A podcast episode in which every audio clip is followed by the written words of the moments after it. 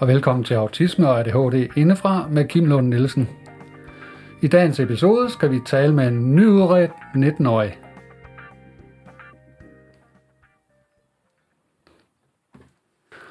Jeg har jo helt fra start haft lyst til at få forskellige gæster med i podcasten. I den forbindelse har jeg gået og overvejet, at det så kun skulle være ADHD'ere, som min podcast ligesom bevarede det fokus. Men når nu min bonusdatter lige netop er blevet udredt for ADHD, øh, og har den oplevelse i frisk erindring, og der er lytterspørgsmål omkring udredning, så har jeg valgt at gå på kompromis med det princip. I hvert fald i den her situation. Øh, det er jo fordelen ved at lave en frivillig, ulønnet podcast. Så kan jeg lade nepotismen råde lige så meget, jeg har lyst til. Øh, men gæsten, vi skal byde velkommen, er altså min bonusdatter, Sonja Vilstrup. Velkommen, Sonja. Ja, hej Kim. Ja. Nyudredt, det er absolut ikke nogen overdrivelse, må man sige. Nej, det er det ikke. Det skete i tirsdags. Nej, I- i, torsdags. I sidste uge. Ah, I tirsdags. I tirsdags. vågner. Jamen, så er det rigtigt, det jeg sagde så først. øh, på det her tidspunkt, hvor vi optager, er der ikke engang gået en uge. Nej, i morgen er der gået en uge, ja. Ja.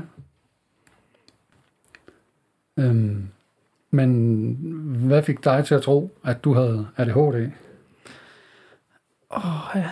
Altså, det hele, det startede med, at øh, ja, jeg har en veninde, en rigtig tæt veninde, som øh, har haft ADHD, og hun har vidst, at hun har haft ADHD i lang tid, og det har jeg også vidst, faktisk siden efterskole, og det er jo to og et halvt år siden, jeg har tit hørt på, sådan, når hun har fortalt, hvad der har været svært, og hvad der også har været fordele, men også helt klart, hvad der har været svært. Og jeg har altid kunne forstå hende, og hun har altid sagt til mig, sådan at du forstår mig altid meget bedre end alle andre. Ja, Og det har hun altid sagt. Og så tror jeg bare, at på et tidspunkt, så ramlede det bare i skolen, eller sådan, jeg kunne ikke koncentrere mig mere, og jeg blev frustreret. Og så tror jeg bare, at øh, ja, så fik jeg sådan nogle videoer op på nettet, sådan fra TikTok og Instagram, hvor de siger sådan nogle små ting om ADHD. ja, Jeg tænkte jo ikke, sådan, det betød noget eller noget, men så googlede jeg det så, som de fleste jo nok gør. ja, Og så, øh, ja, så kunne jeg jo bare lidt genkende til det. Men så tænkte jeg ikke mere over det, øh, indtil jeg så bare ville snakke med min mor om det for sjov. Og så sagde jeg det så til hende, øh, at det kunne da egentlig godt være, at jeg havde ADHD, men bare sådan lidt på en smilende måde. Og så sagde min mor så, det tror jeg i hvert fald, hun sagde der, at hun havde også tænkt over det, fordi hun havde set på dine skemaer, i forhold til noget Ja. med min barndom, og sådan, at jeg, øhm, at jeg godt nogle gange kunne have nogle af de ting, eller sådan, at hun kunne lidt genkende til det i min barndom. Og så var der nogle af de ting, hvor jeg ligesom hørte om symptomer og sådan noget, og så begyndte jeg at høre nogle podcast og sådan noget. Øhm, Ja. Hvor det især var sådan det der med, at jeg hele livet altid har haft sådan der følelse af, sådan at i mange situationer, hvor jeg sådan har tænkt ved mig selv, sådan, Sonja, lyt nu efter, eller, åh, oh, Sonja, kan du ikke godt koncentrere dig? Og du ved, hvor jeg ender med at blive frustreret på mig selv, over at jeg ikke lytter efter, eller ikke koncentrerer mig. Ja. Og hvor jeg så ender med at tænke så meget på det, at jeg slet ikke kan tænke over det, folk siger, eller det, jeg skal læse, eller det, som jeg nu skal koncentrere mig om. ja, så bliver du for optaget af at, tænke på, Ja, At at, jeg hører skal, efter, ja, at jeg ikke hører høre efter. endnu mindre efter. Ja, præcis. Ja. Og sådan, ja, altså der er jo mange forskellige ting. Det er også det der med, at sådan, altså jeg sagde også til min mor den dag, at jeg sådan tit oplevede min barndom, som jeg var meget vred. Og sådan, det, Ja. havde, det oplevede min mor slet ikke. Hun var sådan, nå, nu synes jeg var bare mere glad hele tiden. Men jeg tror bare, det er fordi, inde i mit hoved, så har jeg bare gået og været så vred hele tiden. Men det er jo ikke, fordi man reagerer på det hver gang, jo. Nej, Men du ved, at jeg bare tit gik og irriterede mig over alle mulige små ting, og sådan, ja. Og så det der med, at jeg har svært ved at følge med i samtaler, og, og da jeg hørte det der med, at, at folk med ADHD kan rigtig meget tankemøller og sådan noget, så tænkte jeg også bare, ja, hold kæft, hvor har jeg tænkt mange gange, om min hjerne ikke godt bare kunne holde sin kæft. Ja. ja. Fordi man er så træt, og man ikke gider at høre på den hjerne mere. Ja. Ja. Så ja, så hører, hører man også alle de der sådan, lidt små ting. Det var der så ikke så meget fokus på i udredningen, men sådan det der med, at uro i hænder og fødder, og øhm, ja, så føler man, at man har krudt i røven hele tiden, og ikke kan sidde stille. Og Ja. sådan, det synes jeg ikke, min udredning handlede så meget om, faktisk. Men, men det var også meget det, jeg havde tænkt mig over, at, at sådan har jeg jo haft det hele livet. Ja. Men, men øh, udrederen øh, både spørger og observerer jo. Mm. Så, øh, så jeg tænker, en psykiater har siddet og holdt øje med dig, og øh, det skal man ikke gøre i ret lang tid, for at bemærke, at, øh, at du har uro i dig. Ja, det er rigtigt. Det kan jeg også gøre. Jeg tænkte også sådan over, om hun egentlig tænkte over sådan noget, for jeg sad tit og sådan tænkte sådan, åh, nu har jeg rørt ved min stik i en halv time. Har hun overhovedet opdaget det? Eller ja. sådan, ved, det opdager jeg tit ikke selv. Altså, Nej. der er tit, hvor folk er sådan, hvor jeg bare sidder og piller ved folks tøj, hvor de så er sådan, sådan ja, ja fuck laver du? Og så har jeg bare siddet og gjort det i en sådan kvarter. Ja. Men øh, nu nævner du det med temperament og sådan noget. Altså det er jo også meget klassisk ADHD, at Ja. det går lynhurtigt, både op og ned igen. Øh, Mm. Øhm, og min opfattelse af dig er, at du har også maskeret rigtig meget, ligesom jeg selv har, og, og, øh, og har været så fokuseret på at opføre dig ordentligt, så at sige. Så nogle gange så har du nok også været i stand til at, at skjule, hvor voldsomt det var inde i dit hoved, udadtil. Ja. Ja. Det tror jeg virkelig, du er ret i. Jeg kan i hvert fald huske sådan, især også det der med, at du siger, at temperamentet går ned igen. Ja, Altså, der er jo virkelig mange gange, hvor jeg kan blive virkelig sur. Men så er jeg så i stand til at holde det nede, og så går det jo væk igen. Så er det ikke noget, man siger til nogen jo. nej, Altså, og det, hvis jeg kan komme med et eksempel. Um, det kan være, at jeg om morgenen, så bliver jeg mega sur over, at nu har jeg gjort en ting i en forkert rækkefølge, eller nu er jeg kommet til at, øh, fokusere på en eller anden småting, som jeg overhovedet ikke har tid til. Altså, fordi jeg kan ikke finde ud af, om morgenen, altså sådan, min hjerne ved godt, at jeg er travl, og løber rundt, men så lige pludselig så opdager jeg en eller anden ting, det synes jeg lige, jeg skal fokusere på lige nu. Så kommer jeg til at gå i gang med den, så tager den fem minutter, og det var de fem minutter, det havde jeg slet ikke tid til. Nej. Altså, det var fem minutter for meget. Selvom jeg jo lige har stået og løbet og sprunget over alle mulige ting, som for eksempel at lade være med at putte opvaskemaskinen død. Og så Ja. det er jo sådan noget, min far er træt af. Men, og så i stedet for, så fokuserer jeg på, at jeg skal lige have de her øreringe famlet ud Ja. af halskæderne, selvom Ja. at jeg bare kunne tage nogle andre i. Men jeg skal have de der... ja, Altså, ved, sådan noget bliver jeg jo vildt sur over. Ja. Men så går der jo to minutter, så er jeg i gang med noget andet, så er det fint igen. Ja. ja, det lyder meget genkendeligt. Er ikke... Men hvorfor, hvorfor besluttede du dig så for, at du gerne ville udredes? Mm. Jeg tror, det primært er fordi... Altså for det første har jeg set, hvor meget det har hjulpet min veninde. Ja, Øhm, også fordi hun siger også det med, at hun er ligesom kommet ud på den anden side. Altså hvor hun både er blevet udredt, men også hvor hun har fået styr på medicin, og om hun overhovedet skal være på medicin. Og sådan hun siger, at man kommer væk fra alt det der, sådan at man hele tiden, du ved, lige når man er udredt, så tænker man rigtig meget på det. Ja. Og det siger hun, at det gjorde hun faktisk i et års tid. Men nu hvor hun er kommet bag, eller sådan væk fra det, så lever hun faktisk i det, og sådan, ja, så det var ligesom der, jeg havde lyst til at komme hen, at sådan, Ja. at, at man lærer at leve med det, og ja, man kan få noget hjælp, og sådan, jeg tænkte jo også i skolen, hvor jeg ikke rigtig kunne koncentrere mig, og jeg, jeg havde bare en følelse af, at jeg ikke gjorde det så godt, som jeg kunne gøre det. Ja. Jeg havde en følelse af, at jeg kunne, jeg kunne gøre det her bedre. Ja. Både i skolen, men også sådan til familiearrangementer. Sådan at jeg kunne, altså at jeg, hvis jeg fik noget hjælp, så ville jeg kunne være mere til stede. Koncentrere mig noget mere. Ja. Og så tror jeg bare, at jeg besluttede, at der er så meget snak i medierne om, at øh, folk ikke kan finde ud af at søge hjælp. Og så Ja. tænkte jeg bare, det kan jeg godt. Ja. Og så hjalp det også, at du var blevet udredt, og jeg havde hørt lidt om det og sådan noget. Så min mor, hun er jo meget god til lige at få sådan noget fikset. Ja. Altså, jeg tror ikke, jeg selv havde, hvis det var mig selv, der skulle stå for det, ligesom jeg også har en anden veninde her, som selv skal stå for det, så ville, jeg, så ville der ikke komme noget ud af det. Så ville jeg ikke have gjort det. Det tror jeg ikke, desværre. fordi det havde været for skræmmende at Ja. skulle finde ud af, eller fordi du bare ikke ville få taget taget sammen, eller... Ja, altså både så vil man ikke rigtig have nogen at snakke med det om, og så for det andet, så ved jeg, at der vil i hvert fald gå lang tid, inden jeg fik mig taget sammen. Altså for eksempel, der er jo den historie med, at jeg får et nyt øh, dankort, og så har jeg en måned, eller sådan noget, til at få registreret det ind på banken. Og det kræver søs bare, Ja. at jeg skriver nem idé ind, og så får det registreret, det der kort.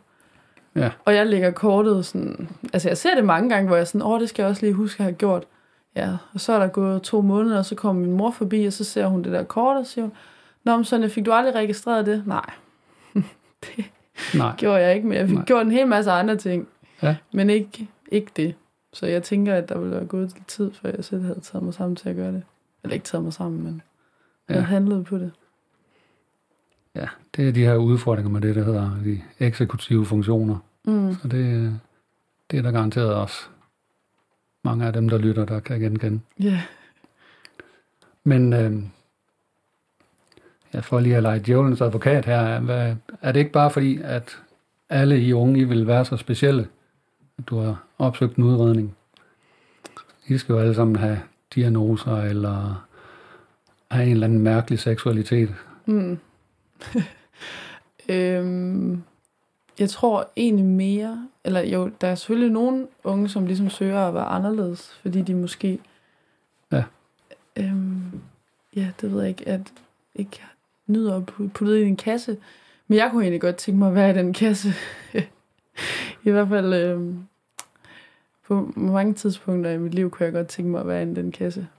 Så jeg vil, altså hvis jeg skulle vælge nu, hvor jeg har diagnosen, så vil jeg helt klart, men det er jo også fordi, lige nu er det nyt, og man hører mest om det er negativt og sådan noget, ikke? Ja. Men lige nu vil jeg helt klart vælge, at jeg ikke havde nogen diagnose, og at jeg ikke havde ADHD.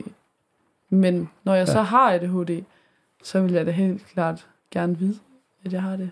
Og mm, altså, jeg hørte det også om fordele, som længere tid til eksamen og sådan noget, det tænker jeg også. Ja. Men det er jo, jeg tænker det er jo ikke, fordi jeg gerne vil have det, jeg tænker det, er, fordi jeg har brug for det. Ja. Jeg har brug for at blive udredt. Det er ikke, fordi jeg gerne vil Nej. være speciel, eller jeg kan sige om i skolen, sådan, øh. Fordi det er overhovedet ikke et flex. Jeg tror faktisk, der er flere, der tænker negative tanker om en, når man siger, at man har ADHD. Og især autisme, altså, det tror jeg virkelig. Ja. Der er virkelig nogle forfærdelige fordomme, tror jeg. Men ja, Så- sådan er så, det også øh, med ADHD. Så vi to, vi er faktisk enige om, at det er et ret dumt spørgsmål. Det vil og jeg at- mene. Og det vil være at det er en lidt underlig tankegang at tro, at, at folk har lyst til at, Ja. at få en ADHD-diagnose. Ja. Altså, jeg har jo fået den der kommentar af en, som jo egentlig burde være støttende. Ja. Sådan, men hvor han så sagde sådan, Nå, men vil du bare gerne have en diagnose? Og så stod jeg der sådan, og det var inden jeg havde fået at vide, at jeg havde ADHD. Ja. Så stod jeg sådan, what? Altså sådan, jeg vidste ikke, hvad jeg skulle svare. Jeg var sådan, ved, altså, jeg, og jeg ved 100% at jeg ikke ment, det er en ond mening. Men alligevel har de lidt den der fordom om sådan, åh, oh, du gør det bare for at få fordele, og sådan, at du gør det for Ja. opmærksomhed, eller hvad de nu tror, jeg ved det ikke. Jeg mener heller, at jeg har været inde på det også, at, øh, ja. at det, det virker ikke helt gennemtænkt, øh, og det virker ikke som folk, der har nogen forståelse af, hvad der følger med at have, have sådan en diagnose, øh, der kan tænke sådan. Mm. Men, øh, men da du så besluttede dig for at blive udredt, hvordan foregik det så? Og hvor lang tid, hvor lang tid har du skulle vente? Altså lige nu er der jo rigtig lange ventelister, Ja, hvilket alle jo ved, nærmest også folk, der ikke er i venteliste. Altså det er ja. Ja. jo virkelig noget, man snakker om. Øhm, og det vidste jeg ikke selv, inden jeg gik i gang, fordi at det var jo lige gået forbi mine ører. Så Ja. det har jeg hørt halvandet år, eller i hvert fald over et år. Jeg tror, det var halvandet år. ja, Så tænkte jeg, bum. Men jeg tænkte at jeg lige skal blive skrevet op. Altså det er jo ikke fordi, at, at det ikke kommer til at ske, men jeg synes godt nok, at, at halvanden år, det var lang tid. ja, Og når jeg tænker tilbage på det, så er det jo, når man så tænker over, at jeg så har haft ADHD i al den tid, så kan jeg jo godt se, at det er heller ikke noget, en med ADHD sådan nyder sygt meget at være i den situation, fordi at man Nej. tænker over det 24-7. Og Ja. der, var sådan, der var tidspunkter, hvor jeg simpelthen nødt til at lade være med overhovedet at høre ordet, overhovedet høre nogle podcasts eller noget, fordi de skulle ikke sove om natten, fordi jeg bare tænkte på det hele tiden. ja, Altså, jeg tænkte det i alle situationer, man blev i tvivl om det der med, om man handler derefter. Ja. Eller om, det, om man altid har været sådan. Altså, du, og jeg Ja. ved ikke, hvorfor det er, man bliver så forvirret. Men jeg tror bare, det er fordi, når man så yderligere også har ADHD og rigtig meget tankemøller, og det er jeg sikker på, det kan der rigtig mange, der har i forvejen, selvom de ikke har ADHD, men når man så yderligere ja. har ADHD, så tror jeg bare, at man tænker helt vildt meget. Og så tror jeg bare, at, at det gik ikke ud over ting, men sådan, du ved, jeg kom bare til at tænke på det hele tiden. Ja. Men så havde jeg selvfølgelig en, en veninde, som jeg kunne snakke med det om, hvor man ligesom kunne komme ud, fordi hun kunne også godt lægge genkendende til tingene og sådan noget. Ja. Men ja, så havde jeg så hele sommerperioden, der lod jeg være med at høre podcast eller høre noget om det, for til sidst så kunne jeg ikke, øh, skulle ikke tænke mere over det. Nu havde jeg hørt Nej, næsten ja. alle symptomer, der var at høre. Næsten, følte jeg. Eller det havde jeg jo selvfølgelig ikke. Jeg havde kun hørt tre episoder af en podcast, men Jamen, du havde brug for at prøve at, at ja, tage lidt afstand til de tanker. mm, virkelig. Ja. Og det tror jeg faktisk virkelig, jeg kan anbefale. Det føler jeg i hvert fald. Altså fordi, nu er du på venteliste, og du kan faktisk ikke rigtig gøre noget. Udover lige Ja. ja. de to måneder inden, lige tænke over, hvad er det egentlig, jeg gerne vil sige. Ja. ja. Det havde jeg ikke gjort, og det var virkelig dumt. Men det kan jeg godt snakke lidt senere om. Men, Ja. men læg det på hylden, i hvert fald øhm, så meget, at det ikke begynder at gå ud over, at du ikke kan koncentrere dig endnu yderligere. Ja. Altså, fordi det gjorde jeg jo, at jeg også tænkte om det i skolen, og jeg blev endnu mere Ja. over på mig selv, fordi at, Ja. at man ikke lytter. Og så, ja, så, ja, hvornår filen var det, det startede? Jeg tror, den første tid, jeg havde ved hende, det var den 30. december, eller sådan noget. Nej. Ej, det ja, det kan jeg ikke huske. Nej, men øhm, eller også så var det den 8. januar. Det ved jeg ikke. December, slut, slut december, start januar. Ja. Havde jeg min første tid hos hende, og man skulle have fire, fik jeg at vide. Øhm, og det gik ekstremt dårligt. Eller ikke sådan dårligt, men sådan, jeg havde ikke tænkt over, hvad det var, jeg gerne ville sige. Nej, ved, og jeg tror især, man skal tænke over det der spørgsmål. Hvorfor, hvorfor er det, jeg føler, at det hæmmer mig i min hverdag? Hvorfor er det, jeg føler, at, at, at, øh, at det er et problem? Altså, du kan ikke bare komme ind Ja. og sige, at jeg sidder uroligt på fødder og hænder. nej, for det er jo sådan i Danmark, at for at kunne få en diagnose, så skal man, så skal man have et støttebehov. Øhm, så ja, det er godt, du, du får nævnt det. Ja, så virkelig det der med at tænke over, hvorfor er det, det hæmmer mit liv, og hvad er specifikke situationer også, hvor at, øh, at jeg føler, at jeg er udfordret, og, og hvor jeg ikke bare kan, kan komme ud af det selv, men hvor jeg decideret har brug for hjælp. Øhm, og det er jo ikke, fordi man skal gå sådan og lede efter det, men i hvert fald lige tænke over det, have det i mente, at, at, at der skal være noget, noget lidelse, tror jeg, de siger. En grad Ja. af lidelse. Eller forpinthed, som mm. Manu Seren plejer at kalde det Ja, okay. i sin podcast. Det er det, han siger. Ja. Øhm, og så den anden ting, jeg skulle have tænkt over, men det er jo også typisk mig at tage til sted. Selvom jeg har ventet halvanden år, så har jeg ikke lige tænkt over sådan noget. Men ja, den anden ting, jeg så øh, burde have tænkt over, det var sådan nogle... Du ved, jeg kendte jo til sådan symptomerne, men det var som om, at sådan, når jeg sad derinde, så, så sad det ikke lige fast i mit hoved. Så i hvert fald, jeg kunne i hvert fald anbefale at skrive en liste ned. Ja. Øhm, det gjorde jeg så inden anden udredning, men skriv en liste ned, hvorfor det, du tror, du har ADHD. Fordi at tit, i hvert fald hvis du har en ADHD i hjernen, det gjorde min i hvert fald, at når jeg sad derinde, så følte jeg slet ikke, det var mig, der var til stede. Jeg tænkte bare på tusind andre ting, sådan, du ved, jeg var slet ikke til stede, og jeg Nej. fik slet ikke, jeg snakker jo tit uden at tænke mig om, altså virkelig meget. Ja. Altså, det er virkelig noget, jeg altid har gjort. Det er jo blevet bedre, fordi jeg er blevet ældre. Men ja, Ja. så jeg følte derinde, at jeg slet ikke fik tænkt over alle de ting, jeg sagde. Ja. Altså, det, det kom bare ud af mig, som, Ja. uden at jeg overhovedet havde overvejet, hvad det var, jeg ville til at sige. Ja, og, og det er lidt underligt, når det er noget, der, der faktisk fylder så meget i ens bevidsthed og er ret vigtigt Mm. for en.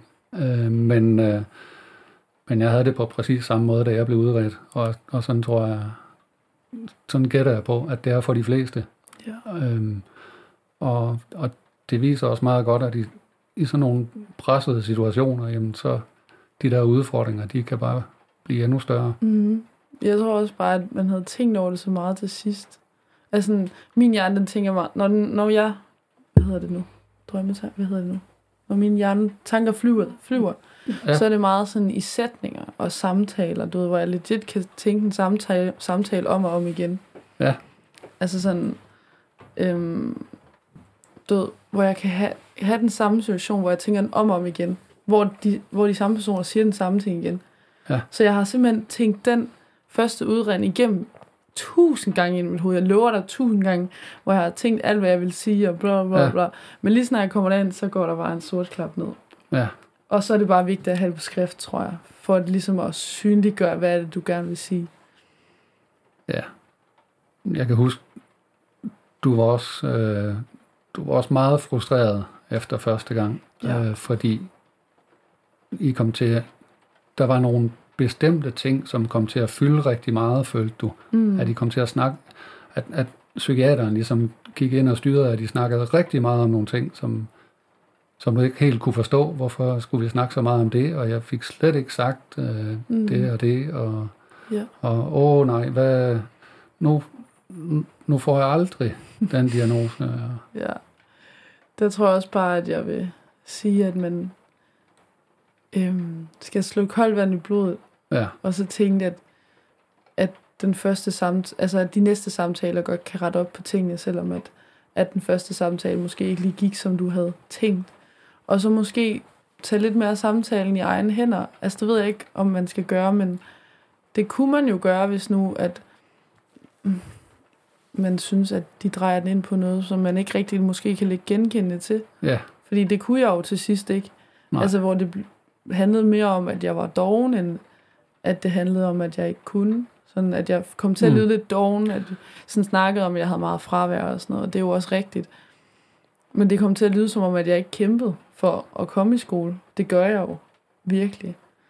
Så det var ja, jeg lidt ked af. Ja, du var, du var faktisk øh, meget såret over, at du fik et indtryk af, at hun bare sad og sagde, at du var doven, og Mm, du skulle bare du skulle bare bruge en kalender og så videre. ja. Ja, Men nu ved jeg jo ikke, hvor, altså, hvordan andres udredning har været, men det kan jo også være, at, at de ikke har lyst til at pege ind i en bestemt retning. Ja. Så det er bare, bare at være ærlig, men så også sige, at du kæmper faktisk. Det er ikke, fordi du bare lægger dig tilbage Ja. og lader alt sejle. Du bliver nødt til, at- eller jeg tror, det er vigtigt, at man får sagt, at man kæmper faktisk, men at du måske lige du har nogle ting op i hjernen, som ikke lige fungerer som andre, så derfor lykkes det ikke, når du kæmper. Altså, Ja. jeg havde jo ikke en følelse af, at jeg ikke prøvede. nej, Det havde jeg jo ikke, men jeg havde bare en lykkes, følelse af, at det ikke lykkes, når jeg prøvede. Altså, at når jeg sad om i skolen og tænkte sådan, koncentrer dig nu, lyt nu til det, han siger. Nej, nej, nej, lad nu være med at kigge ud af vinduet. Ja. Ja, Og det så ikke lykkes, det var jo det, men at jeg prøvede jo faktisk. men øh, ja, du var nok også sådan lidt autoritetsforskrækket, eller, ja.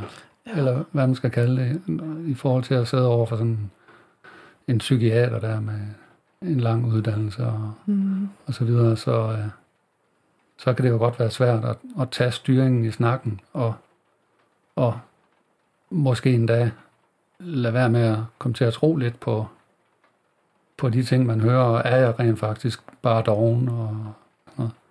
Det, det, tror jeg, det tror jeg langt de fleste af os øh, har stået i. Mm. Øh, de følelser af at være doven. Eller det ved jeg, at rigtig mange af ADHD'ere øh, selv kan føle tit. Ja. Og, og også kan blive mødt med Mm. af andre folk. Altså, jeg blev især på efterskolen kaldt doven, og det stod også i min blå bog, Ja, at jeg var et dovendyr, jeg var doven. ja, Men jeg tror bare, at det kan forklares med, at man har så meget energi i, i få timer om dagen, ja, at det er helt sindssygt. Og så til sidst, så er man doven, eller man opfører sig doven, fordi man er så træt efter, at man lige har brugt så meget energi, og man kan ikke rigtig, jeg har jo en følelse af, at jeg ikke rigtig kan styre min energi. Altså sådan, ja, jeg har jo en situation, sådan, hvor jeg har tænkt mig over, sådan, en af mine venner, vi har lige fået at vide ind i klassen, nej, vi skal ud og spille rundbold. Og jeg glæder mig ekstremt meget, jeg hopper op og ned. Ja. Og så siger jeg til en af mine venner sådan, hvorfor, hvorfor er du ikke mega glad? Og så er han sådan, jamen sådan, jeg venter jo med at bruge min energi, til vi kommer ud på banen. ja, Og så stoppede jeg sådan op, fordi det var lige der, hvor jeg begyndte at tænke over det der med ADHD. Jeg stoppede op, og jeg tænker jeg bare, Nå, du kan simpelthen vente med at bruge din energi. Du kan simpelthen styre sådan, ja, altså sådan, hvornår det er, du, du, du bliver glad, eller hvornår det er, du bruger din energi. Det kan jeg huske var sådan en øjenåbner. Så ja, når du kommer derind for en autoritet, så bare vær, være måske klar på, at, at, at hun måske ikke lige er, som du troede, eller han ikke ja. lige er, som du troede, men så bare efter anden samtale, så arbejde ud fra, ud fra det, at nu. Ja. Og så slå men. Koldt vand i blodet og tænke, at, at den første aftale, eller den første samtale måske ikke kommer til at, eller kommer ikke til at være altafgørende. ja, Mm. men det er rigtig godt, du siger det der med, øh, at du har svært ved at styre dine følelser og sådan noget, fordi det er jo faktisk øh, det, som mange ikke er klar over, at ADHD jo egentlig langt hen ad vejen meget af et følelsesreguleringshandicap. Øhm, så Mm. jeg skulle, jeg skulle lige til at korrigere dig tidligere, fordi du sagde, at du ikke var, havde forberedt dig særlig godt, men jeg kunne så forstå, at det har så været imellem første og anden gang, at du så, fordi du havde jo nemlig lavet en ja. Rigtig lang liste med, Mm. med situationer og, og, og ting, du gjorde, øh, ja. Som, som du tænkte pegede i retning af Mm. ADHD. Men det var så imellem de to. Ja, Ja.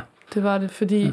at til første samtale, jeg havde jo et helt andet billede af, hvad det var for en samtale, jeg skulle ind og have, Ja. den jeg fik. Ja. Så jeg havde jo en, en, og jeg ha- har også tit sådan fejlbedømt mig selv i mange situationer, også til eksamener, Ja. hvor jeg tror, at jeg kan huske alt muligt i mit hoved, men ja. det kan jeg bare slet ikke. Nej. Og det er jo derfor, det også nogle gange går galt til eksamener og sådan noget. Øhm, men hvor jeg så redder den, fordi jeg er god til at improvisere. Ja. Men det er jeg så ikke, når at, at, øhm, ja, at, at situationen ikke lige gik, som jeg havde regnet med. Ja, Men så gik jeg jo hjem og tænkte, altså i starten så tænkte jeg bare, okay, jeg er bare doven.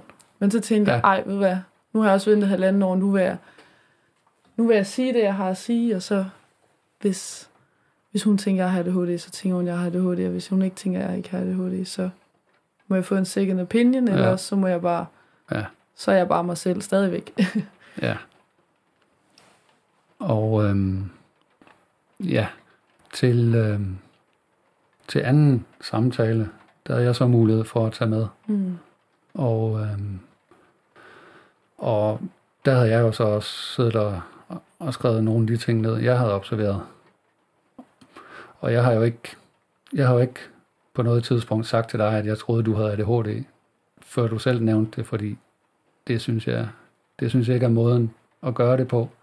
Øh, men efter det, så har jeg heller ikke, så har jeg været øh, helt ærlig omkring mine tanker og, og sagt, at jeg var overbevist om, at, at du havde ADHD og sådan nogle ting. Øhm, så det havde jeg, der har jeg også skrevet en masse situationer og oplevelser med dig, øh, som jeg havde taget med. Mm. Så øh, fordi jeg havde fået det indtryk, at det havde jeg slet ikke snakket om ved første samtale, så var jeg meget insisterende på Ja. at få fyret alt mit af, så det, Mm. jeg fik vist nærmest provokeret psykiateren ret, ret groft. Ja, og det var jeg Øh, også glad for, du gjorde, for øhm. du sagde jo det, jeg tænkte. Ja, øh, og øh, mm, du, du fik jo faktisk slet ikke over nogle ganske få ting af, af, de, af, af de ting, som du havde på din liste, fik du sagt her til anden samtale. Men det var egentlig ikke ret meget. Mm. Så, øh, så der kan jeg huske, der, der var du også sådan ret usikker på nogle ting, da vi, da vi kom ud derfra, og øhm, og hvad tror du, tror I, hun, hun tror, jeg har det, eller hvad? Mm. Og, og så øhm, havde hun også spurgt ind til nogle ting, som undrede dig, hvor, hvor jeg så øh, forklarer dig, at, at øh, psykiateren er nødt til at udelukke en masse andre ting, Ja. øh, inden, inden hun kan stille ADHD-diagnosen, eller, eller i hvert fald så hun, så hun får stillet de rigtige diagnoser.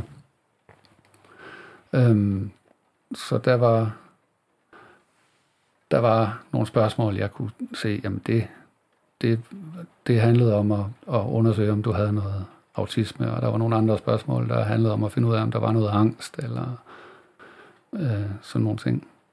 Men, øh, men der var du egentlig også forvirret øh, omkring nogle ting. Ja. Jeg kan i hvert fald huske, hun spurgte mig om et eller andet med, om jeg sådan gik rundt og tænkte meget. Nej, hvad fint. Jeg kan ikke huske det. Noget med at- være ængstelig. Eller hvad? Ja. Er det ikke sådan? Jo, Hvor jeg også bare forstod det slet ikke, fordi nej. at sådan, jeg var vant til at svare ja til alt, hun spurgte om. Ja. Eller sådan, jeg var vant til, at, at alle symptomer, altså, havde, Ja. ja. var noget, jeg kunne lægge genkendende Ja. til. Og så lige pludselig så var det bare noget, jeg ikke kunne lægge genkendende til. Og Ja, ja så, så det, det fik dig sådan lidt i tvivl igen. Har jeg Ja. overhovedet ADHD? Ja. Fordi det var Mm. de spørgsmål, hun havde stillet der. Så jeg tror også, man skal være klar på, når man tager ind til en udredning, at, at øh, hun stiller nok også nogle spørgsmål, du ikke selv havde tænkt over. Ja, Og, og så må du bare svare på det så godt du kan. Og hvis du svarer, som du ikke lige havde håbet på, så går det nok, fordi at så er der så mange andre ting, som de kan gå ud fra. ja, Og selvom at jeg jo føler, at jeg har en masse symptomer, nu laver jeg Ja. gåsetegn, ja, øhm, som jeg ikke fik sagt derinde, så har jeg jo stadigvæk fået en diagnose. ja, Så jeg følte jo, hver gang jeg kom ud derfra, at jeg havde så mange flere ting, som passede på Ja. ADHD, som jeg ikke fik sagt. Men det er jo i og for sig lidt sådan ligegyldigt måske, fordi at jeg har jo fået...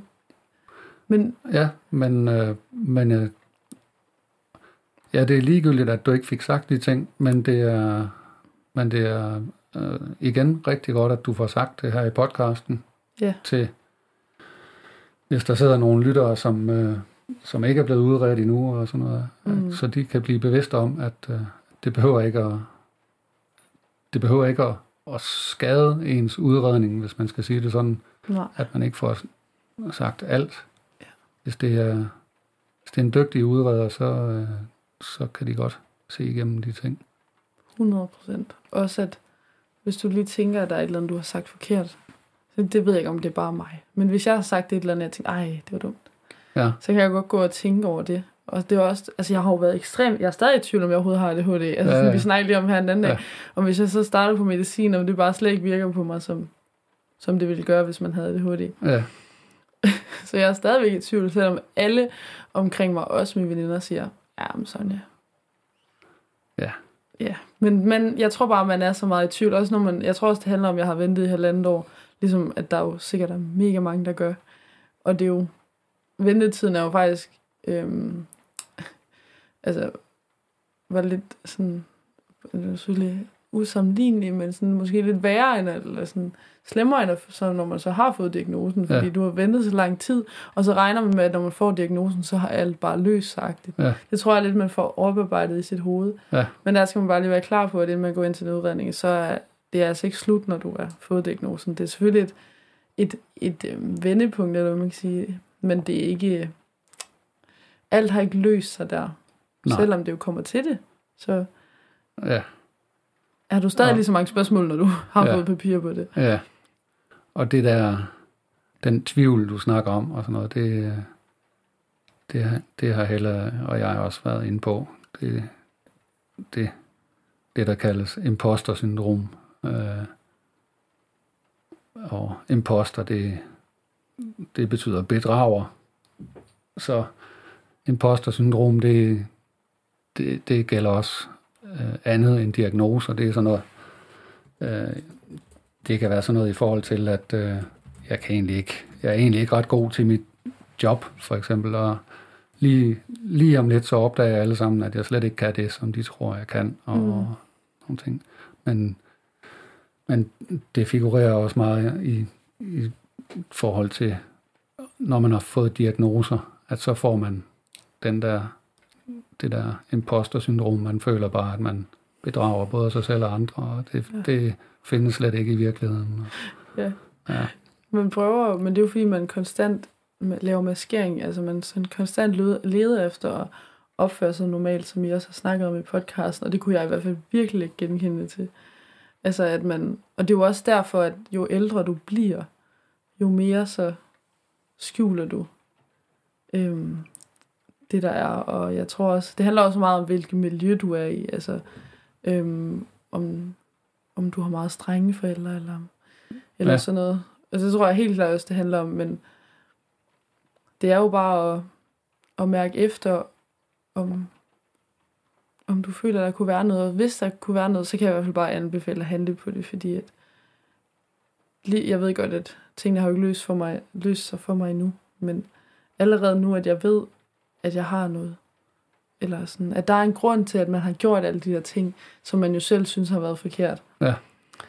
Det har allerede hjulpet meget. Ja. Og så kan man få yderligere hjælp til, hvordan man kan koncentrere sig og sådan noget. Ja.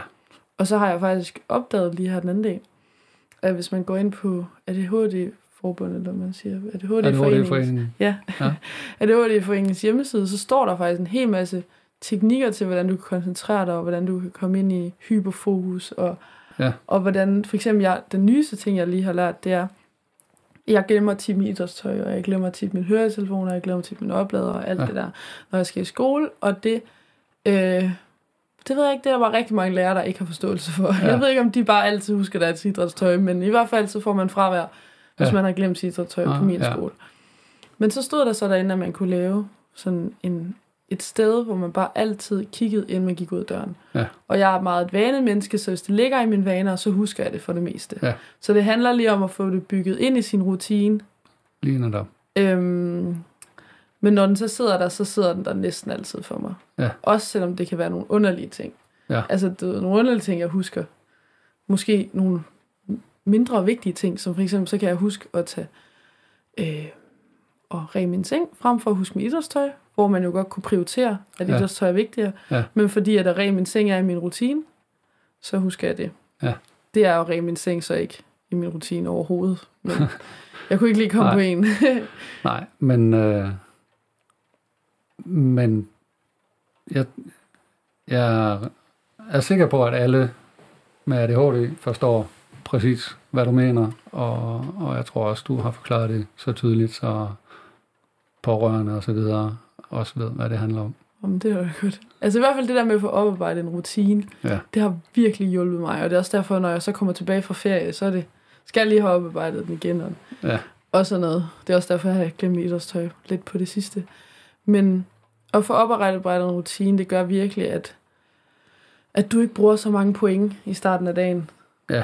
Som jeg nogle gange har nogen hørt om, at, at hvis du har 10 point på en dag, så brug så få point som overhovedet muligt. Så oparbejde en rutine, så du bare kører den, uden at du skal til at bruge al mulig energi på at blive sur på dig selv over, Ja. ja. at du har glemt et eller andet. ja. Nå, men tredje samtale med psykiateren.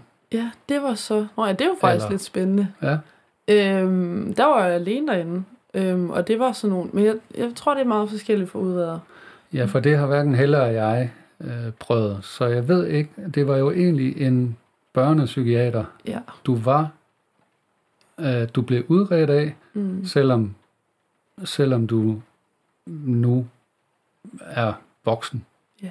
Øh, Og hun sagde også, at der var nogle af de test, jeg tog, som faktisk var fra 16 og ned.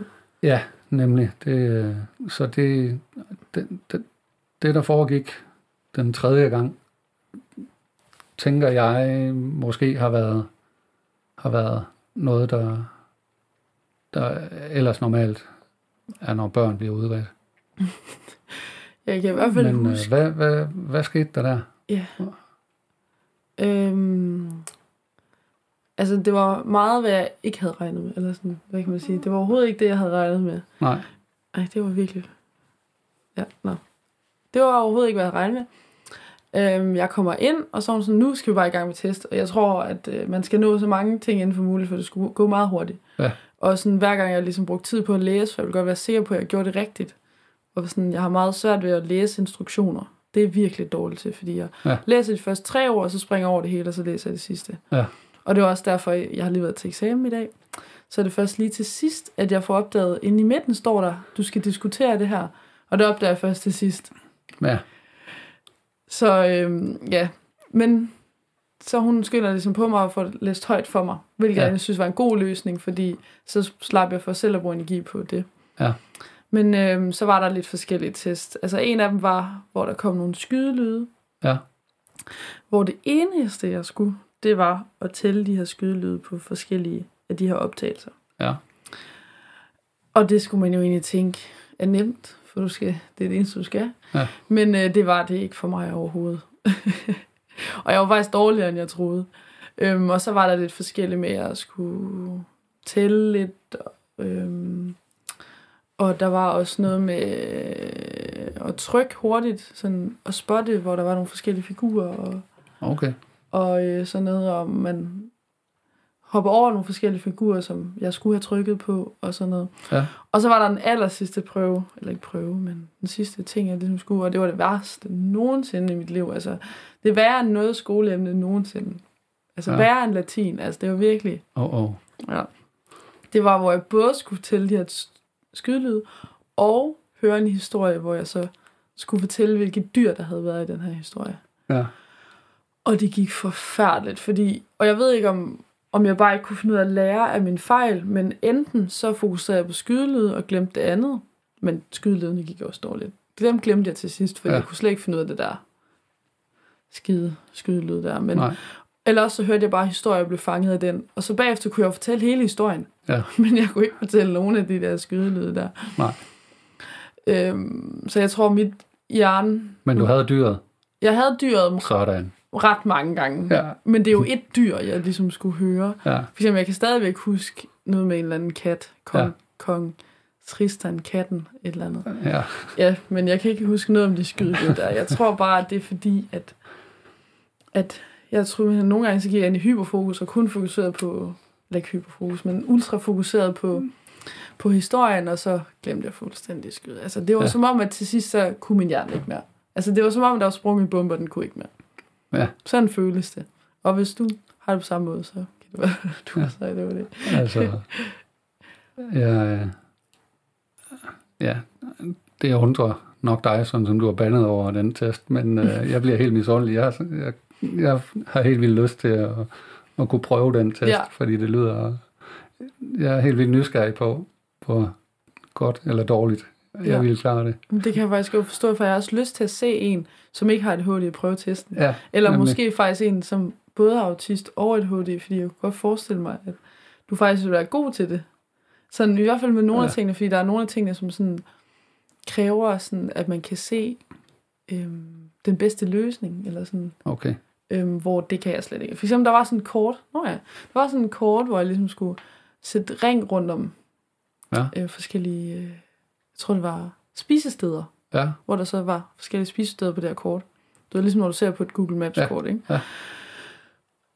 Og hun siger, at jeg starter godt ud, ja, op fra hjørnet og hen, men så begynder min hjerne jo at kede sig. ja, Nu har jeg lavet det samme, i- ja, det kunne have været 10 sekunder, ja, hvor jeg så begynder bare at sætte alle mulige steder, alle mulige steder, Ja.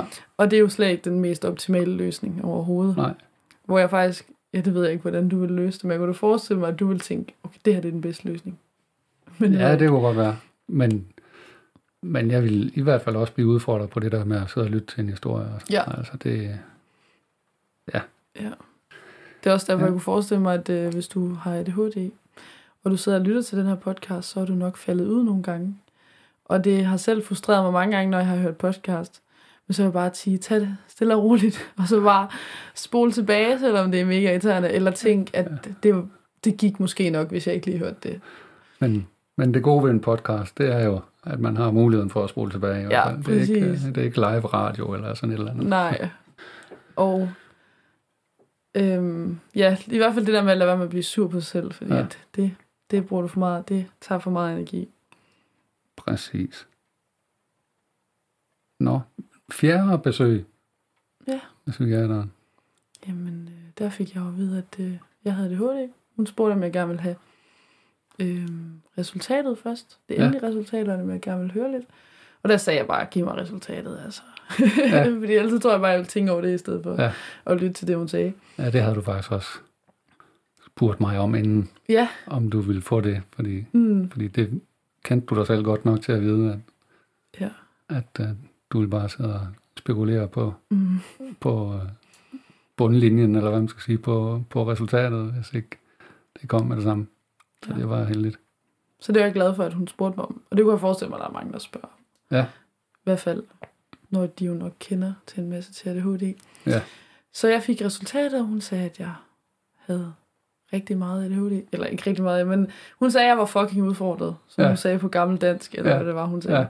Ja. Øhm, og så var jeg sådan, ja, yeah, det er jeg jo nok. Og så gav hun lidt for- forklaringer på nogle spørgeskemaer, jeg har svaret på. Ja. Og det har vi slet ikke været inde på. men ja, nogle spørgeskemaer, man har svaret på. Og så øh, de testresultater. Hun snakkede ikke så meget om de samtaler, vi har haft. Det nævnte hun slet ikke. Øh, Nej. Det ved jeg ikke. Nej, det, altså, det er måske, fordi det er nemt at forholde sig til. Til det fra spørgeskemaerne og sådan noget. Men, øh, men jeg er helt overbevist om, at hun, hun også har brugt samtalerne og, og de observationer, hun har gjort der. Men, men det har du ret i. Vi har ikke snakket om, om spørgeskemaerne. Du har jo, ligesom vi har beskrevet med vores udredning, øh, så har du jo også øh, besvaret nogle spørgeskemaer, øh, en masse spørgsmål mm. om, om nogle ADHD-symptomer. Det er dem, du tænker på, ikke? Jo. Ja. Og der var både et, inden jeg gik i gang, og så et, hun gemmer med hjem. Ja. Og hvis I har fået et spørgeskema ude, hvor der står, øhm, om du kan finde hoveddøren i dit hjem, så er det bare et testspørgsmål til at se, om du er et menneske, der svarer på den. Det var bare, jeg blev meget forvirret og var sådan, kan folk, der har ADHD, ikke finde deres hoveddør? Ja. Men øh, det var bare et test, testspørgsmål. Ja. så ja. Men øhm, øhm, ja, Så det var, bare, det var egentlig bare tilbagemelding den fjerde gang. Ja, det var det. Ja. Det varede ikke længere end 10 minutter. Så var det ude igen. Og så fik jeg jo så en tid til medicin, og jeg fik en tid til nogle familiesamtaler, jeg har fået. Men jeg tror, alle får, tænker jeg. Ja, sådan noget. Øh... Nej, det er ord lige væk. Så Ja, det- det sådan noget lær dig selv. Et eller ja, andet. lige lær noget om ADHD. Ja, ja. Bliv ud, uddannet i det, som hun sagde, tror jeg, hun sagde. Men ja, du skal snart ned og, og snakke med hende om medicin. Mm. Hvordan har du det med det? Det er på torsdag. Ja, klokken et. Øhm, og altså, jeg har aldrig været sådan modstander af medicin, fordi Nej. at, som jeg også har hørt både dig og mor forklare det, så er det jo, at ligesom hvis du har brækket benet, så skal du have noget gips. Ja. Øhm, ikke fordi du skal tage medicin overhovedet, det er overhovedet Nej. ikke det, jeg mener, men at det er en støtte. Ja. Øhm, så måske er det en lidt dårlig sammenligning med det med gips, men at at det er en støtte til, hvis du har føler, at du har brug for hjælp. Og så Ja. tænker jeg jo bare, at jeg kan lige så godt prøve det. Altså, det er jo ikke sikkert, at det virker for mig, men Nej. Nej. jeg vil gerne prøve det, fordi at der er jo virkelig mange frustrationer, som jeg godt kunne tænke mig at få hjælp til at ja, løse. Også medicinmæssigt, men også øhm, alle mulige ting, man kan gøre. Ja. Øhm, så ja, så har jeg hørt lidt om forskellige om medicin fra min veninde, som jo har ADHD. Ja. Øhm, ja. Men jeg tror bare, jeg tager det ud fra, hvad hun siger. Ja. Og lytter til hende, men at jeg har meget fokus på det der med, at jeg har ikke lyst til, at at, at, at øhm, jeg ikke, altså at jeg ændrer mig så meget, at, at ja, jeg har ikke lyst til at ændre mig på, på de punkter, jeg overholder af. nej. Og det er jo lidt svært at, at korrigere det jo, men der er jo... Så, så det er du lidt nervøs for, om, Ja. om det kan ændre dig for meget. Mm, Ja. Og det ved jeg ikke, om bare er fordom, eller, eller hvad det er, men, men i hvert fald det der... Jeg har ikke lyst til, at, at det skal være så indgribende, at folk ikke kan kende mig. Eller at folk Nej, er sådan... nemlig. Men jeg, på den anden side, så har, har jeg anerkendt og accepterer, at jeg ikke kommer til at være lige så sådan, i højt humør, som jeg nogle gange kan være. Ja. Men det synes jeg jo også selv, at, selvom jeg synes, det er vildt sjovt, når jeg er i det, ja. så synes jeg også, det er frustrerende, når jeg så kommer hjem, fordi at så er jeg så træt, når jeg kommer hjem, at jeg simpelthen slet ikke Ja. øh, kan noget. Jeg bare sidder og glor ind i en væg og ser dyreprogrammer. Ja. Øhm, og hvor jeg jo tit ikke... Ja, nu er jeg begyndt at lære mig selv bedre og bedre at kende, ikke? men hvor jeg tit har været til familiefødselsdag sammen med mors familie, hvor at, at der er så højt gear, og hvor jeg bliver helt deroppe i det der gear. Ja. Hvor jeg tit... Nu er jeg begyndt at sådan tænke over det, så jeg kommer nu ned, fordi når du kommer hjem, så har du noget tilbagebetaling, du ligesom Ja. skal Ja. lave, men ja, hvad var det, jeg ville sige? Ja, du har bare snakket om det der med at være i højt gear og sådan noget. Ja. Nå ja, så lær dig selv at kende, hvornår er det, Hvornår, hvilke, lad være med at sætte dig i situationer, hvor du kommer til at, at bruge for meget energi. Eller i hvert fald have i baghovedet, at, at hvis du tit gør det samme som mig, så måske lige øh, ja, tænk over det. Ja. Og så, at nu prøver jeg bare medicin af, og så må vi jo se. Så er det jo ikke værre, at jeg bare stopper, hvis det ikke fungerer for mig. Nej. Hvad, hvad er du ellers i tvivl om her efter diagnoserne? Om jeg overhovedet har ADHD. Ja. altså man går jo og Ja. ja. føler, selvom det er jo så tydeligt for andre, synes Ja. ja. de jo, så er jeg jo stadig i tvivl, selvom Ja. hun har sagt, at Ja. jeg har ADHD. Fordi det kunne jo være, at det var noget, jeg har opbygget op i mit hoved. Ja. Eller at, at hun kun har taget udgangspunkt i de test, og det kunne være, at jeg bare var træt, og det var derfor, jeg klarede det så dårligt. Ja. Men når jeg så har siddet til eksamen i dag, Eller det kan være, at du bare har svaret de ting, som du Ja. vidste, der skulle svares. præcis, Ja. men når jeg så har siddet til eksamen i dag, og oplevet mig selv, og virkelig lagt mærke til det, Ja. så kan jeg jo godt se, at jeg er den eneste, som har fødderne op på bordet, og som er den eneste, der har lyst til at sætte sig på jorden. Ja. Jeg sad jo seriøst sådan, til sidst sådan, kan jeg bare sætte mig på jorden, så der Ja. skete et eller andet. Ja, ja. Øhm, og sådan har jeg det også tit i timerne, altså virkelig tit, hvor jeg bare har lyst til at sætte mig på bordet eller på jorden. Ja. Jeg ved ikke hvorfor, men... Øh, og der er også nogle gange, hvor jeg gør det, hvor folk er sådan, what the fuck? Men Ja. ja, de kender mig jo, mange ja. af dem. Øhm, Men ellers er der ikke så meget, du er i tvivl om lige nu. øhm,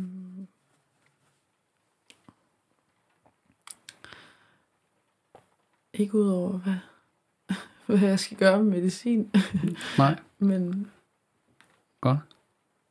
Men øh, du fik jo også en anden diagnose, som du ikke havde forventet. Skal vi tale om den? ja, det kan vi godt. Men er der nogen af os, der kan huske, hvad den hed? Nej, Øh, Jamen, jeg ved ikke, om det er en diagnose, er det det? jo, det, jo, det er det. Det er det, simpelthen. Ja, du fik jo øh, en, der hed blandede udviklingsforstyrrelser af specifikke færdigheder. Ja. Det, det har vi snakket om, at når du skal derned på torsdag, så må du hellere lige få spurgt, hvad der ligger i det. Ja, Hvis du skal have en mulighed for at arbejde med det, eller bruge det til noget, så, mm. så kunne det være rart at vide, hvad det er for nogle færdigheder, hun tænker. ja, og jeg er lidt undrende, for jeg vidste ikke, at det var en diagnose. Nej, det vidste jeg heller ikke. Det er jo lige sagt lige nu, men øh, jeg troede faktisk bare, at det var sådan lidt...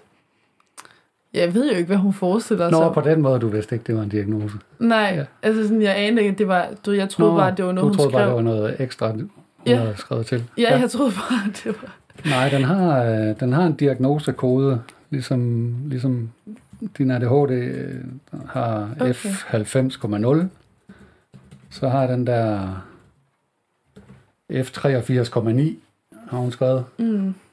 Øh, men, øh, men det er heller ikke noget, øh, jeg kender noget til. Nej. Og, øh, og det kan nok være, altså de der specifikke færdigheder, gætter jeg på, kan være rigtig mange forskellige ting Mm. i den diagnose, så, øh, så det kunne være rart nok lige at høre, om, om det er noget, nogle bestemte ting, Ja. hun tænker på. Altså det, jeg har tænkt over meget, som, altså det ved jeg ikke, om hun synes, at det er sådan socialt, altså at der er et eller andet, jeg mangler. ja, Nej, men det synes man jo er hårdt at få at vide, tror jeg. Eller sådan, den synes jeg ikke er Ja. så sjov. nej, Nu ved jeg ikke, hvad det er, hun mener endnu. nej. Men det, det altså sådan, hvad var det, var det hed, sagde du? Blandede udviklingsforstyrrelser Ja, en- af specifikke færdigheder. Ja, altså sådan, det der med, at man har en forstyrrelse, det synes jeg bare lyder meget hårdt. Ja, Øhm, det gør det nemlig, og det, øh, det kommer vi også til at tage op i podcasten. Mm. Noget af det med sproget omkring de her diagnoser, og, Ja. og, og hvor, øh, hvor ødelæggende øh, nogle, nogle for andre måske små ord kan være, men det er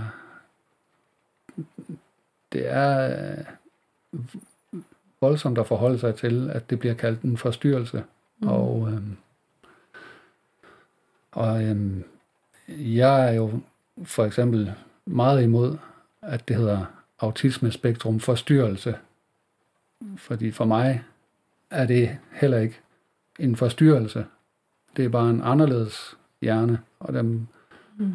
dem tror jeg, der er rigtig mange af forskellige hjerner, som ikke nødvendigvis behøver at være en fejl i forhold til de rigtige hjerner, ja. men bare en anderledeshed, som har været altid, og som vi nu om dagen bare har nogle diagnoser for.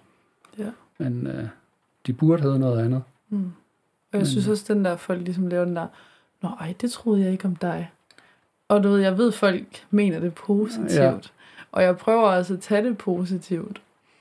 Øhm, men det er stadigvæk den der sådan lidt, Nå, havde du ikke troet det om mig, fordi at du forbinder det med noget dårligt? Eller ja. havde du ikke troet det om mig, fordi at du bare slet ikke kan koble det sammen? Eller ja. hvad det er, de lige har tænkt. Øhm, så den synes jeg også er... Det skal man måske lige tænke over, inden man siger til en, som ja. lige er blevet udredt. Eller som har været udredt længe. Eller, ja. ja. Fordi, øh, fordi man godt kan komme til at føle sig forkert, mm. selvom det måske er sagt i en god mening. Ja. ja. Og så er jeg jo også overrasket over, hvor, hvor lidt folk egentlig ved om især autisme. Ja. Også ADHD. Ja. Øhm, og det synes jeg jo er helt fair, fordi hvor meget ved jeg også lige om skizofreni for eksempel. Ja, ja. Altså, det ved ja. jeg heller ikke noget om. Eller, eller sklerose eller et eller andet. Ja. Så man ved jo ikke noget om det, der ikke er i ens liv. Det Nej. synes jeg er klart. Ja. Men jeg synes, det begynder at være synd, når lærere og, og pædagoger og sådan noget ja. øhm, forfølger de der fordomme frem for rent faktisk at vide, hvad det er, det egentlig går ud på. Det synes jeg ja. er ærgerligt. Især på gymnasiet. Altså jeg ved godt, at vi er voksne nu, og jeg selv kan forklare mine symptomer, men derfor synes jeg stadig, møder jeg stadigvæk den der med, at lærerne faktisk ikke helt ved, hvad det er. ja, altså du, du fik en kommentar fra en lærer mm. op på gym. Kan jeg prøve at, kan jeg prøve at sige, hvad det var? Jo. Øh, der blev sagt. Og det tror jeg 100% han er med i god mening. Altså, det ja. jeg tror ikke, er sådan, du ved, men han sagde bare, Nå, men du kan da godt koncentrere dig i mine timer. Fordi jeg havde lige fortalt, hvor det var, jeg havde været henne, og hvorfor det var, jeg ikke var til timen. Ja. Og jeg blev sådan lidt par for, var sådan lidt, øh, ja. Inde i mit hoved, så det jeg gerne ville have sagt var, at ja, det går være sted til fysisk, men det er ikke sikkert, min hjerne er det. Øhm. Nej, og så noget af det, som, som rigtig mange ikke er klar over, eller ikke tænker på, det er, at når ting interesserer os, ja. så kan vi jo sagtens koncentrere os. Mm. Og det var jo netop min lærer i et fag, som interesserer mig. Lige og det fik jeg også sagt til ham. Ja. Så jeg vil gerne have sagt begge ting. Fordi ja at jeg forsvinder også rigtig tit i hans timer, uden at han lægger mærke til ja, lige netop. Men når det så interesserer mig, så er jeg der og rækker hånden op, og hvis jeg har lavet lektier, så interesserer mig ekstra meget, for jeg ved baggrundsviden om det, vi skal til ind og lære. Så derfor er det også blevet rigtig vigtigt for mig at lave lektier i hans timer, fordi så ved jeg, at jeg kan finde noget at følge med, hvis ja. jeg kan overskue det dagen inden, ikke? selvfølgelig. Øhm, men så siger han jo så, at du kan godt koncentrere mig mine timer, så sagde jeg så, jamen det tror jeg også har noget at gøre med, øhm, interesse, eller nej, ja, ja interesse, ja. Øhm, hvor han så sagde, jamen har vi det ikke alle sammen sådan lidt sådan? ja. Og så var jeg bare sådan, jo, men jeg tror bare, det er mere ekstremt, når jeg ikke interesserer mig for noget, end det er for andre. Altså fordi, jeg kan jo nogle gange, hvis jeg har engelsk og spansk og latin på en dag i skolen, så kommer jeg hjem og har slet ikke været til stede. Ja. Og jeg laver ikke sjov. Altså det er ikke som i, at jeg kommer hjem og ikke lige kan huske nogle enkelte ting. Jeg kommer hjem og har slet ikke været til stede. Og det er ikke fordi, at jeg sidder aldrig og spiller. Nej. Andre kan sidde og spille og lytte på samme tid. Ja. Det ved jeg, og jeg kender mig selv. Hvis du går i gang med at shoppe eller spille, så kan du ikke lytte. Så det gør jeg aldrig. Nej. Men jeg sidder og synes bare og tænker på alle mulige andre ting. Jeg kan slet ikke koncentrere mig. Nej. Men, men det er jo lige, lige netop sådan nogle kommentarer, der får en til at sukke dybt. Mm. Øh, fordi det... Øh, det er sjovt, folk tror, at, at de kan se, om man er koncentreret eller ej. Altså, vi har jo, vi har jo et helt livstræning i at, at ligne nogen, der følger med, og, mm. og træning i at, at få sagt ja på de rigtige tidspunkter. Så, så det virker som om, vi hører efter og så videre. Mm. Og det der kan jeg helt 100% ikke mig genkende til. Også i skolen, men især også, når jeg har en samtale med folk. Ja, Så jeg tror slet ikke, folk ved, hvor meget jeg bare siger, mm, nej. eller ja. Altså, og det, det, siger man jo ikke til folk, for jeg har ikke lyst til at sige, at 50% af det, du siger, har jeg ikke lyttet efter. nej. og det er jo ikke, fordi jeg ikke er altså, interesseret. Det nej, lover jeg virkelig. Fordi det, man tænker, det er, så tror folk jo, at, øh, at vi er fuldstændig ligeglade med dem, Mm. og vi ikke engang gider at høre efter. Ja. Ja. Men øh, det gider vi faktisk rigtig godt.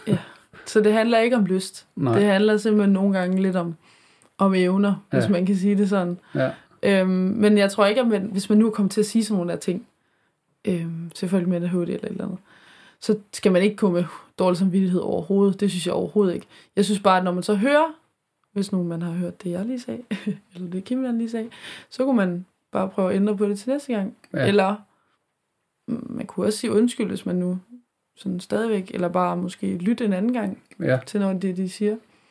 Og så tror jeg generelt, hvis folk siger, at de har en diagnose, eller siger, at de er i gang med at blive udredt, og man tænker om dem, ah, kan det passe, så bare lad mig sige det. Fordi at hvis der var en, der kom hen til mig og sagde, at, at, øh, at de tror, de har et eller andet, og jeg tænker, det har du ikke, så vil jeg da aldrig nogensinde sige, ah, er du sikker på det? Altså, nej. det, altså fordi at, det tænker jeg, at de selv har mere styr på, end jeg har. Og der er, der er jo det, at selvom det måske er sagt i en god mening, at ej, det tror jeg da ikke, du har, mm. så siger man jo også mellem linjerne, at ADHD er en dårlig ting. Ja. Hvis, man, hvis man mener, man, man er sød ved, Ja. ved en ved, øh, ved at sige, at det tror jeg ikke, du har, Mm. så må det jo være fordi, at vedkommende har en holdning til, at det er noget negativt. Præcis. Øh, så det, det skal man jo også lige være opmærksom på, synes jeg. Mm. Og så tror jeg også, jeg vil anbefale, at hvis man skal til at have en diag- eller ikke skal til at have en diagnose, man skal til udredning og være i gang med at vente det her år der, Ja. så kan jeg anbefale, selvom jeg havde rigtig svært ved det, fordi jeg tit bare siger alt muligt, øhm, og mig selv deler lidt for meget måske nogle gange, men Ja. øh, bare siger alt, så, så beslutter jeg mig virkelig for den her gang, nu skal jeg ikke sige det til for mange. Altså for Ja. eksempel, jeg er fire af mine bedste venner fra efterskolen, jeg ikke sagde det til overhovedet. Ja. Øhm, måske lige nævnt det en enkelt gang ved en af dem, men ellers ikke sagt noget overhovedet, fordi at jeg havde ikke lyst til at, ikke fordi jeg forventer, at de ville komme med den kommentar, men jeg havde ikke lyst til at få den der kommentar sådan, ah, sådan ja. Nej. Altså, så jeg har besluttet mig for, at jeg vil kun sige det til folk, til meget få mennesker. Ja. Så, og det var jeg glad for, fordi så kunne jeg bagefter komme og sige, nu har jeg fået diagnosen. Ja. Og så reagerer folk, reagerer folk tit, eller ofte, anderledes, end de ville gøre, hvis man ikke havde fået Ja. den endnu. Ja. Øhm, ja. Men apropos det, har du så gjort dig nogle tanker om at stå åben frem med det nu? Altså både her i podcasten og, og ellers, Åh, oh, ja. som jeg sagde til dig, hele verden får jo adgang til det, når den her podcast bliver udgivet. Så skreg du af grin. Ja, øhm, men det er jo fordi, at jeg ofte ikke tænker, jeg, øhm, og det ved jeg ikke, om det noget med ADHD, det gør, det tror jeg egentlig ikke. Men ofte, når jeg siger ting til folk, så får jeg ikke lige tænkt inden, kan det her have konsekvenser? Ja. Øhm, det jeg siger nu. Det er jeg ekstremt dårlig til. Altså Ja. ja. virkelig, altså jeg, det, eller ikke dårlig, men det, det gør jeg ikke. Øhm, Nej. Hvor jeg måske har svært ved lige at måle, øhm, hvad, hvad er det andre tænker om mig, hvis jeg siger det her. Så jeg kunne forestille mig, at hvis jeg ikke lige får tænkt mig om inden, så vil jeg sige det til rigtig mange, jeg har ADHD. Men det tror jeg egentlig også bare, jeg vil gøre, fordi at hvis, så må de have den holdning, de vil have. Ja. Men jeg vil ikke sige det til folk, jeg kan tydeligt mærke, ikke, hvad hedder det, stoler på det, eller hvad man siger. Men jeg vil sige det til alle i min klasse, for eksempel. Ja. Og jeg vil sige det til alle mine lærere, jeg vil sige det til alle mine bedsteforældre. Og... Ja. Men jeg vil ikke, hvis jeg har en samtale med en eller anden. Altså, du ved, jeg vil bare sige det, hvis det kommer på tale. Ja, nemlig. Øhm, og så tror jeg, at rigtig mange med ADHD har svært ved ligesom at, hvis de er til et eller andet offentligt event eller et eller andet, har svært ved ligesom at lave den der, jeg skal lige gå, jeg har ADHD. Så tror jeg bare, og det tror jeg også, jeg vil have svært ved, så tror jeg bare, jeg vil sige, jeg skal lige gå. Og så Ja. lad være med at lave den der forklaring med at have ADHD, fordi så kan folk også tænke, nå, hun er bare doven eller et eller andet. Ja. Hun gider ikke lige være her. Ja, Men, øh, men det lyder ikke som om, du har tænkt dig at gå og, og skjule det sønderlig meget. nej. Nej. Men det er måske også, fordi jeg slet ikke ved alle de dårlige fordomme, eller sådan, Fordi når jeg hører, at folk har ADHD, så tænker jeg jo ikke noget dårligt. Så jeg har Nej. svært ved at sætte mig ind i, at folk skulle tænke noget Ja. dårligt om mig. Ja. Øh, men det kan da godt være.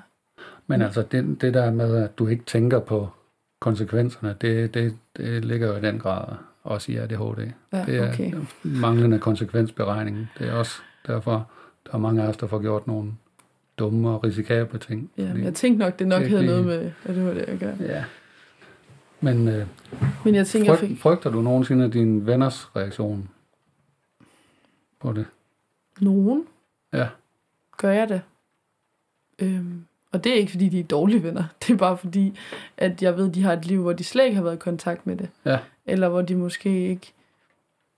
Øhm, ja, der hvor du tror, der kan være nogle fordomme omkring det. Ja, og Ja. ja. det synes jeg er totalt fair. Altså sådan, jeg havde da også fucking mange, eller nu skal jeg bande så meget, virkelig mange fordomme om autisme, for jeg lærte dig kende, for eksempel. Ja. Øhm, fordi at det hører man jo bare om. Ja. Især autisme, der synes jeg, der er virkelig mange forfærdelige fordomme, som jeg virkelig synes, at folk skal... Øhm, at dem skal vi bare have væk. fordi det gør ikke noget godt for nogen, synes Nej. jeg ikke. Øhm, og jeg synes, at autisme har en lidt mere positiv klang, end, øh, nej, øh, ADHD har en lidt mere positiv klang end autisme. Ja. Øhm, så jeg tror, hvis at der er også forskel på hvilken... Øhm, Altså, du ville have haft det, du ville have haft det sværere med, hvis det var autisme, diagnosen, du havde fået. det, Så ville du være jeg, mere i tvivl om, hvor åben du ville være. det tror jeg desværre, ja. ja. Så vil jeg kun sige det til folk, som kendte mig i forvejen. Ja, Mens at ADHD, det vil jeg godt sige til folk, Ja. som jeg måske ikke kender mig i forvejen. Ja. Desværre, ikke? Ja. Men jeg vil da, ligesom jeg håber, at alle, der lytter til den her podcast og sådan noget, vil være med til at nedbryde de fordomme. Jeg vil i hvert fald være med til at nedbryde fordomme, især også om ADHD, men især også om autisme, ja. fordi at, at det synes jeg bare er synd, Ja. at, øh, at det skal være sådan. Fordi man, der er jo lidt det, det der, åh, er du autist, eller hvad? Du ved, Ja. altså, det kan man ja det høre. bliver brugt som et skældsord. Ja, det gør det Øh, virkelig. Nogle, øh, ja. Altså sådan, øhm, især i folkeskoler og i gymnasiet og blandt ja. voksne mennesker også. Altså, ja, ja. Øhm, men jeg tænker bare, at man skal, når man får en diagnose, skal man bare være så ærlig, som man har lyst til at være. Ja. Jeg tænker ikke, at, at man nødvendigvis skal gøre det samme som alle andre, men Nej. bare gøre det, man selv har det bedst med. Ja. Men, øh, men jeg vil da også gerne sige, at jeg er mega stolt af, at, at du står frem her og viser, at det ikke er noget at skamme sig over, og, og øh, at du er så åben omkring det, Det har jeg faktisk ikke lige tænkt over. som, At, øh, som bonusfar. ja, tak Kim. Det har jeg ikke Øhm. lige tænkt over, at, at var noget, andre ville have svært ved. Eller sådan, jeg har ikke tænkt over, at, Nej, at, øh, at ja, det har jeg ikke tænkt over. men det synes jeg er mega sejt. Tænker du, at unge mennesker er mere rummelige i forhold til det, end min generation for eksempel, eller endnu ældre? Det tror jeg faktisk. Altså, jeg møder der mere venlighed fra min... Og nu ved jeg også godt, det er mine venner og i min klasse og sådan noget. Men jeg møder der mere åbenhed fra dem, end jeg møder fra mine lærere. Ja, Hvilket jo egentlig burde være dem, som har haft kurser i det eller et eller andet. Jeg ved Ja. ikke, om man får det som gymnasielærer, men det gør man da i hvert fald som folkeskolelærer, forestiller ja. mig. Øhm, jeg har i hvert fald også en klar opfattelse af, at, unge mennesker er langt mere rummelige over for diversitet på alle mulige områder. Altså Mm. også, øh, også forskellig seksualitet og, mm, og jamen det, ja, jeg er sådan rimelig fortrøstningsfuld i forhold til, at vi bevæger os i en god retning i forhold til, at, at det, ja, det, det kan være svært at, at stå åben frem med, med mange ting, men, øh, men jeg har sådan et håb om, at, at det er på vej i en bedre retning, og det kan blive nemmere, og der er ligesom bare er en accept af, at, at jamen, vi er jo alle sammen forskellige. Det synes jeg i hvert fald. Også jeg oplever ved, ved nogle af de elever, jeg har i skolen og sådan noget, altså nogle af de store elever, og, jamen, eller sådan set øh, hele vejen igennem. Men, øh, men jeg synes stadigvæk, det er sejt, at, at du at du ikke tænker så meget i at være åben omkring det, kan Ja. man sige. Altså, jeg tænker helt klart også, at... Altså, der er i hvert fald ikke nogen fra min klasse, eksempelvis, af unge mennesker, som jeg ikke vil have lyst til at sige det til. Nej, Jeg tror, der er klart med flere voksne mennesker, jeg virkelig vil sige det til, end unge mennesker. Ja. Fordi jeg føler også mere, at jeg... øh, Måske handler det også om, at jeg selv er et ungt menneske. Men jeg føler i hvert fald også, at jeg er mere i øjenhøjde med dem. Og de Ja. kender mig jo til hverdag. Det er jo ikke, fordi jeg Ja. ændrer personlighed. Altså, nej, og det handler jo ikke om, at, at jeg ikke er et godt menneske, så jeg kan bare ikke forstå, hvorfor det er, at folk har de der fordomme der, men altså, ja. Så må folk have den holdning, de har, tror jeg lidt. Ja. At jeg har kommet frem til.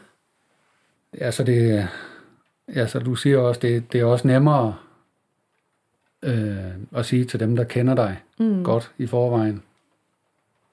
Fordi, ja, de har jo ligesom accepteret dig, som du er. Der er jo ikke noget, der har ændret sig. Helt klart. Ja. Fordi, altså, der er jo, de siger jo også, at der er en grund til, at jeg blev venner med dig, så jeg er jo ikke blevet venner med dig, fordi, Fordi du ikke havde ADHD. fordi jeg ikke havde ADHD. Ja. Altså, Så nu ryger du. Nu Ja, ryger du simpelthen. nu, nu gider de Nu- ikke mere.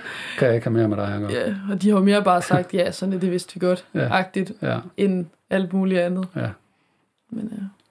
Ikke fordi, at de ved ikke specielt meget om ADHD. Det har jeg ikke et indtryk af, men Nej.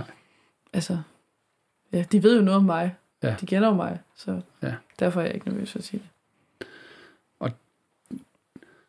det er jo også derfor, det er også derfor, jeg har valgt at, at være så åben omkring det, som jeg har, og, og, og derfor jeg er glad og stolt over, at, at du også gør det og sådan noget. Så, så dem, der kender lidt til os og sådan noget, også kan se, at ja, ADHD og autisme for mit vedkommende, kan altså også se sådan her ud.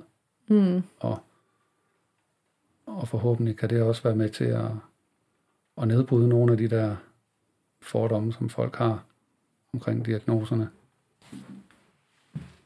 Ja.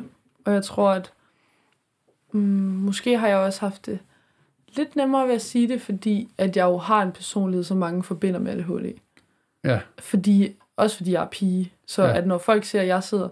Jeg har for eksempel fået at vide af min, af en lærer på et tidspunkt, at, at, øh, at altså, nu skulle jeg til at sige stille. Jeg larmede næsten lige så meget som drengene. ja, Og så stod jeg sådan helt med åben mund og var sådan...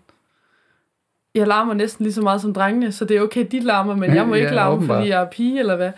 øhm, og det kan jeg jo godt selv se, altså når jeg har Ja. idrættet sådan noget, at jeg hopper rundt lige så meget, som drengene gør. ja, Øhm, så det er jo derfor, folk også siger til mig, øhm, jamen det kunne vi jo godt se. Så jeg har jo ikke oplevet den der med, at folk er sådan, jo med nogen, men ikke så mange, hvor folk er sådan, what? Og det må jo også være ja. nederen, at folk er sådan, what the fuck? ja, Og ikke tror på det. Det har jeg også oplevet noget, men det er lidt færre.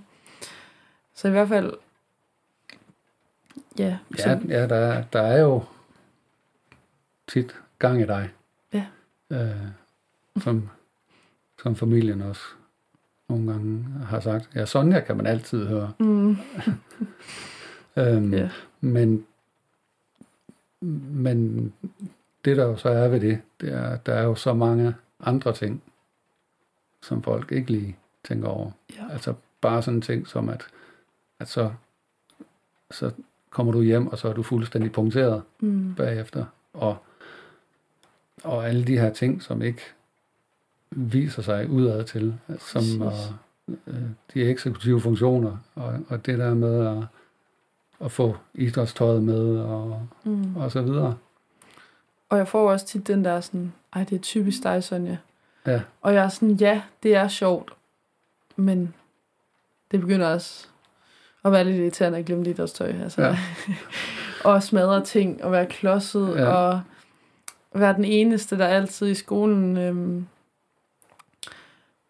øh, får at vide, sådan jeg lige din drikkedunk ind på bordet, fordi folk ved godt, jeg vælter den. ja, Og jeg er jo glad for, at folk siger det, så jeg ikke vælter den.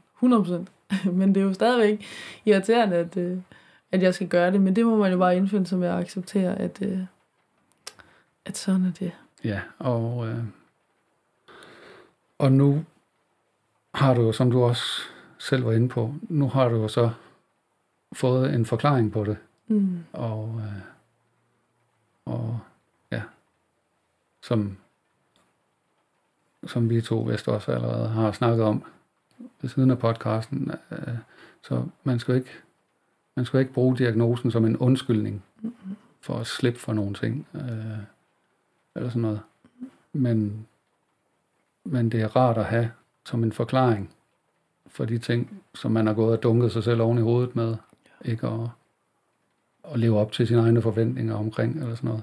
At, at nu, nu har man i hvert fald en grund, så man kan, kan tilgive sig selv lidt bedre. Ja, og det har også fået mig til at, sådan at takle mit liv på en lidt anden måde. Altså for eksempel, jeg har jo sagt jobbene op Ja, nede i, øh, i en svømmehal, jeg arbejdede i. ja, Fordi jeg havde hovedpine hver gang, jeg tog hjem fra arbejde. Ja. Og det var dagen efter også, og jeg har virkelig døjet med hovedpine, hvilket også var en af de grunde til, at jeg ville udredes, fordi jeg kunne Ja. simpelthen ikke holde ud af det her hovedpine mere. nej, Og min veninde, på et, som havde ADHD, på et tidspunkt sagt, at, øh, at hun også blev uredt, fordi hun havde så meget ADHD. Nej, fordi hun havde så meget hovedpine. Ja. Øhm, så jeg havde sagt op, fordi at nu tænkte jeg, det gider jeg simpelthen ikke mere. Og der var en forklaring for, hvorfor jeg havde hovedpine, og hvorfor alle mine kollegaer måske ikke havde. ja, Øhm, så det der med, at man ligesom også kan gå ind og ændre nogle ting ved ens liv, er jo også derfor, man vil udredes. Altså, det er jo for at få hjælp til at gøre det bedre. Og så også Ja. for, at jeg selvfølgelig også kan forklare andre, øhm, hvorfor det er, at jeg lige gør sådan her. ja. Og så er vel også et håb om, at, at medicin måske kan, Ja, kan helt hjælpe klart. med nogle ting. Jeg sad i hvert fald Ja. til eksamen i dag og tænkte, jeg kunne godt bruge noget medicin lige Ja. nu. Ja, øhm, og så håber jeg bare på, at det virker. ja. Godt. Sonja, jeg synes, jeg synes, du har været mega god til at beskrive det her, og det tror jeg, der er rigtig mange, der kan, kan bruge til noget. Har du, øh, har du flere ting, du tænker, du gerne vil sige? Mm. Nej. Tjek den der hjemmeside ud med hacks. ADHD-foreningen? Ja. Ja. Fordi det har allerede hjulpet mig Ja. øh, med nogle ting. Og så øh, sig det til de nærmeste, fordi at det, det hjælper. Ja. Ja. Og så håber jeg for dig, at, øh, at du der sted, derude et sted har en, har en mor og en Kim, som hjælper dig lige så meget, som min mor og Kim har hjulpet mig.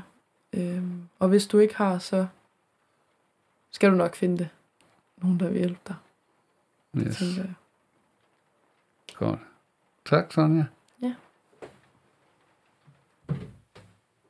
Og jeg håber, at du, der lytter med, kunne bruge Sonjas beskrivelse til noget. Jeg vil sige, at jeg er i hvert fald personligt i al beskedenhed ovenud tilfreds med det her afsnit, og jeg er mega stolt over, hvor dygtig Sonja har været til at beskrive det. Husk, at hvis husk, at du kan følge mig på øh, Instagram og på Facebook under Spring Ud Autist. Og husk at klikke følg i din foretrukne podcast-app, hvis du kan lide vores podcast. Og det vil også være en stor hjælp, hvis du liker podcasten. Hvis du har nogle ønsker til podcasten, eller nogle spørgsmål, eller forslag til noget indhold, så kan du skrive på kontakt Tak for den her gang.